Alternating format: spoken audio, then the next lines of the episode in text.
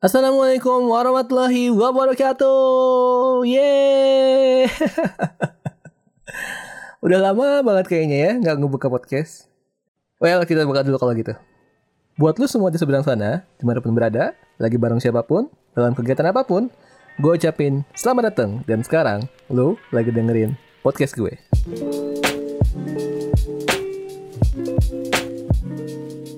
Oke, ketemu lagi bareng suara gue di platform ini setelah sekian lama tidak berjumpa. Alhamdulillah hari ini kita bisa ketemu lagi di platform ini ya. Tentunya banyak banget yang udah terjadi dan kita alami beberapa waktu belakang. Buat gue secara personal, buat teman-teman juga tentunya, dan juga buat seluruh masyarakat dunia pada umumnya. Konteksnya tentunya setelah pandemi menyerang kita semua.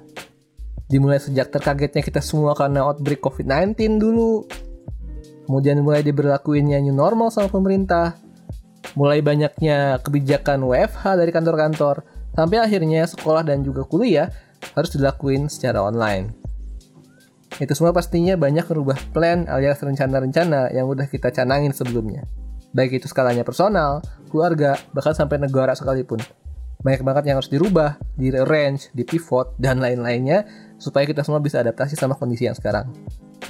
Tentunya kita berdoa semoga ini semua cepat berakhir, semoga akhirnya kita bisa nerima pelajaran dari ini semua, dan kita bisa kembali melaksanakan kegiatan dan hidup kita secara normal. Dan gak lupa, untuk semua yang terdampak, semoga dikasih kekuatan dan juga kesanggupan, supaya terus bisa jalan dan makin baik dari hari ke hari. Amin amin ya rabbal alamin. Well, di antara semua hidup pikuk tadi karena pandemi, sore ini kita bakal ngobrol lagi Ya, ini di record sore hari dan rencananya pun bakal dipublish sore hari. Kenapa sore hari? Karena dalam rangka ngabuburit. Walaupun sebenarnya agak telat ya, nggak agak sih, banget lah sebenarnya. Karena kita sudah hamin sekian jengkal lebaran gitu kan. Tapi nggak apa-apa, daripada tidak sama sekali kan, lebih baik telat. Yo, Terus apa yang mau kita obrolin? Kita bakal ngobrolin sesuatu yang erat kaitannya sama lebaran. Ironically. Loh kok kenapa ironically? Ya karena sebenarnya ironi sih emang. Apa tuh? Kenapa ironi? Karena memang sayang aja sih akhirnya term ini sangkut pautnya sampai Idul Fitri. Yang notabene adalah momen kemenangan kita gitu setelah berpuasa satu bulan penuh. Apa sih yang pengen dibahas? Kok jadi ironi? yang kita pengen bahas adalah comparing. Membanding-bandingkan. Karena mau diakui apa enggak, banding membandingkan adalah satu di antara banyak hal yang bisa kita temui waktu Idul Fitri terutama uh, Idul Fitri normal ya. Ketika ngumpul sama keluarga om tante sepupu keponakan dan lain-lain pasti bakal ada momen di mana pertanyaan-pertanyaan yang agak menyebalkan itu muncul. Dan deep motif dari itu semua adalah comparing. For example. Gimana nak? Udah lulus apa belum? Oh belum tante. Loh kok bisa? Kan anak tante yang seangkatan sama kamu aja udah lulus 2 tahun lalu. Kok belum sih Another example. Gimana? Udah kerja? Udah om. Di mana? Di perusahaan X om. Berapa gajinya? Segitu om.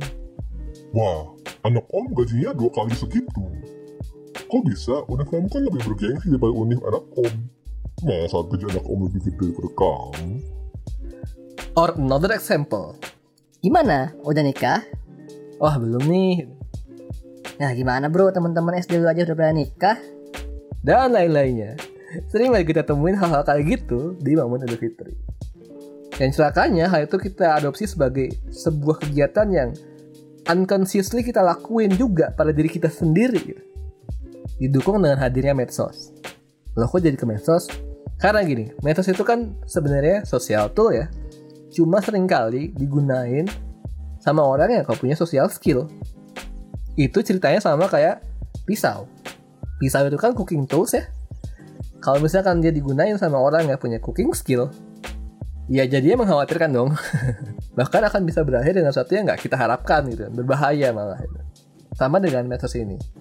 Instead of digunakan sebagai alat untuk saling sharing positive vibes untuk saling connected sama orang-orang terdekat akhirnya ya sekarang ini medsos lebih sering dipakai untuk show off menunjukkan betapa bahagianya hidup kita walaupun sebenarnya tidak. Kayak gitu. Akhirnya adalah orang-orang yang lihatnya merasa insecure merasa kok hidup gue tidak lebih baik daripada hidup dia dan semacamnya. Yang kayak gitu juga disebut comparing. Dan parahnya itu dilakukan sama diri kita sendiri ke diri kita sendiri. Sebenarnya di tempat yang semestinya comparing itu ya butuh. Maksudnya tempat semestinya misalkan ada sebuah perusahaan yang bergerak di bidang transportasi misalkan dia pengen uh, berusaha untuk menaikkan omsetnya dia harus benchmarking dong dia harus melihat gitu dia harus mencontoh perusahaan sejenis yang bisa lebih profitable daripada dia gitu. Akhirnya dia mencoba untuk membandingkan apa nih kurangnya perusahaan gua sama perusahaan itu. Gitu. Atau misalkan ada sebuah restoran yang pengen lebih rame lagi gitu. Dia juga harus nge-compare sama restoran sejenis, nah restoran apa misalnya sushi katakanlah. Ada restoran sushi sebelah yang lebih rame. Kira-kira bedanya gue sama dia apa ya? Gitu. Apakah pelayanannya kah? Apakah rasanya kah? apakah harganya kah dan lain-lain comparing kayak gitu itu perlu tapi perhatiin nggak semua contoh tadi itu punya satu hal yang harus dipenuhi sebelumnya hal yang di compare harus sama nggak bisa enggak gitu. makanya ada istilah nggak apple to apple gitu. Itu untuk menunjukkan bahwa comparing memang harus dilakukan antara dua hal yang sejenis tadi misalkan restoran sushi sama restoran sushi gitu. kalau misalnya perusahaan transportasi sama perusahaan transportasi gitu dan sejenisnya. Kita nggak bisa ngebandingin enak mana ayam goreng sama susu coklat. Ya nggak bisa gitu. Dua-duanya enak. Kalau bisa ada di satu meja yang sama. gitu kan susah gitu kalau misalkan tidak sama tidak satu jenis tidak comparable gitu. Yang jadi masalah kalau kita ngebandingin satu individu dengan individu yang lain kita nggak tahu letak bedanya di mana. Atau bahkan letak samanya di mana. Jadi kita nggak bisa mastiin ini sebenarnya apple to apple nggak sih gitu. Orang bisa langsung nilai jangan dong ngebandingin apple sama mangga gitu kan. Susah. Nggak sejenis. Itu lebih baik. Lebih baik kenapa? Karena kita tahu yang dibandingin apple sama mangga. Ini berbeda tapi ketika kita ngebandingin dua individu si A sama si B itu kita nggak tahu bedanya apa gitu. Si A ini apa si B ini apa apakah dia beda apakah dia sama kita sama sekali nggak tahu. Dan dengan sotonya kita langsung compare tuh kan. Kan jadinya lucu itu yang berbahaya dari comparing antara individu sebenarnya. Utama konteksnya membahas tentang kehidupan ya. Membahas tentang sesuatu yang variabel itu banyak banget gitu. Kok hidup dia lebih baik daripada hidup gua? Itu kan susah banget ya.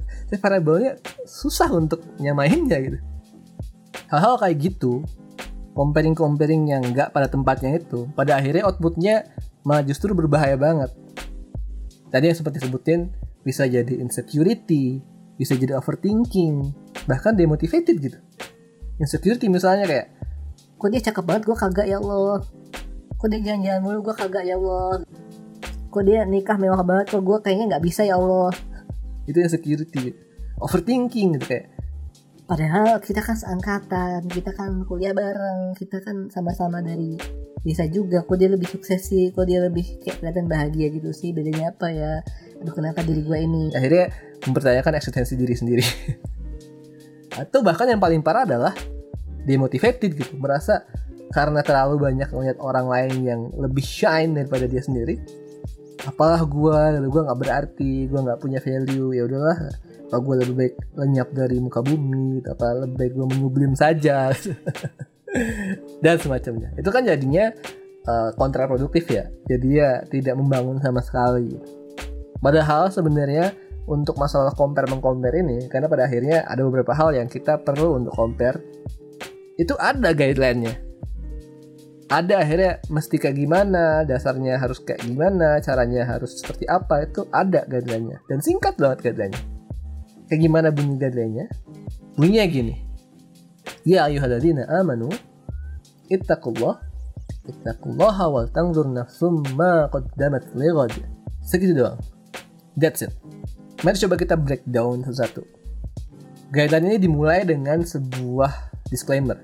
Ya ayuhalladzina amanu, sebuah panggilan bahwa guideline ini ditujuin buat mereka-mereka yang dalam hatinya ada iman Nah tanpa ada iman pasti bakal emang kenapa sih gue harus ngikutin guideline ini? Emang dari siapa sih? Gitu. Ada banyak keraguan yang bakal muncul gitu. Maka step pertama untuk bisa ngelakuin guideline ini adalah hadirnya iman dalam hati kita. Selanjutnya, kalau itu udah accomplished, next guide-nya ittaqullah. Apa itu ittaqullah? Ini fil amr ya. Kata perintah ya. Bertakwalah pada Allah. Nah, takwa itu apa sih?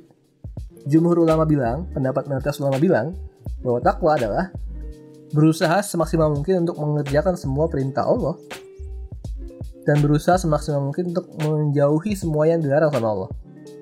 Sekali lagi, Jumhur ulama mengatakan, takwa diartikan sebagai sebuah upaya semaksimal mungkin untuk mengerjakan semua hal yang diperintahkan sama Allah dan berusaha semaksimal mungkin untuk menjauhi semua hal yang dilarang sama Allah. What does it means? Artinya, kalau misalnya kita mau melakukan sebuah kegiatan comparing, maka motifnya, landasannya adalah perintah dan larangan Allah gitu. Supaya kita bisa lebih dekat dengan Allah, supaya kita bisa menjauhi apa-apa yang Allah nggak suka gitu. Intinya supaya kita bisa lebih improve gitu. di mata Allah bukan di mata yang lain gitu. Maka yang harus dilakuin sebelum akhirnya kita compare adalah membersihkan motifnya dulu. Kita mau compare nih dasarnya untuk apa? Kalau misalnya untuk meninggikan diri dibanding orang lain atau bahkan merendahkan orang lain ekstrimnya, you better stop. Mending gak usah. Gitu. Mending lakuin yang lain aja gitu. Kalau misalkan emang tujuannya adalah supaya kita bisa tahu gimana cara kita ningkatin kualitas diri di depan Allah, then just do it. Nah, kita datang di kalimat intinya, wal nafsum, lihatlah, compare lah gitu. Bandingkanlah, siapa yang kita bandingin? Nafsum, diri kita sendiri. Ma qaddamat ligod, yang di masa lalu sebagai patokan, sebagai wanti-wanti untuk langkah-langkah kita ke depan. Jadi, comparing yang paling fair adalah dengan diri kita sendiri.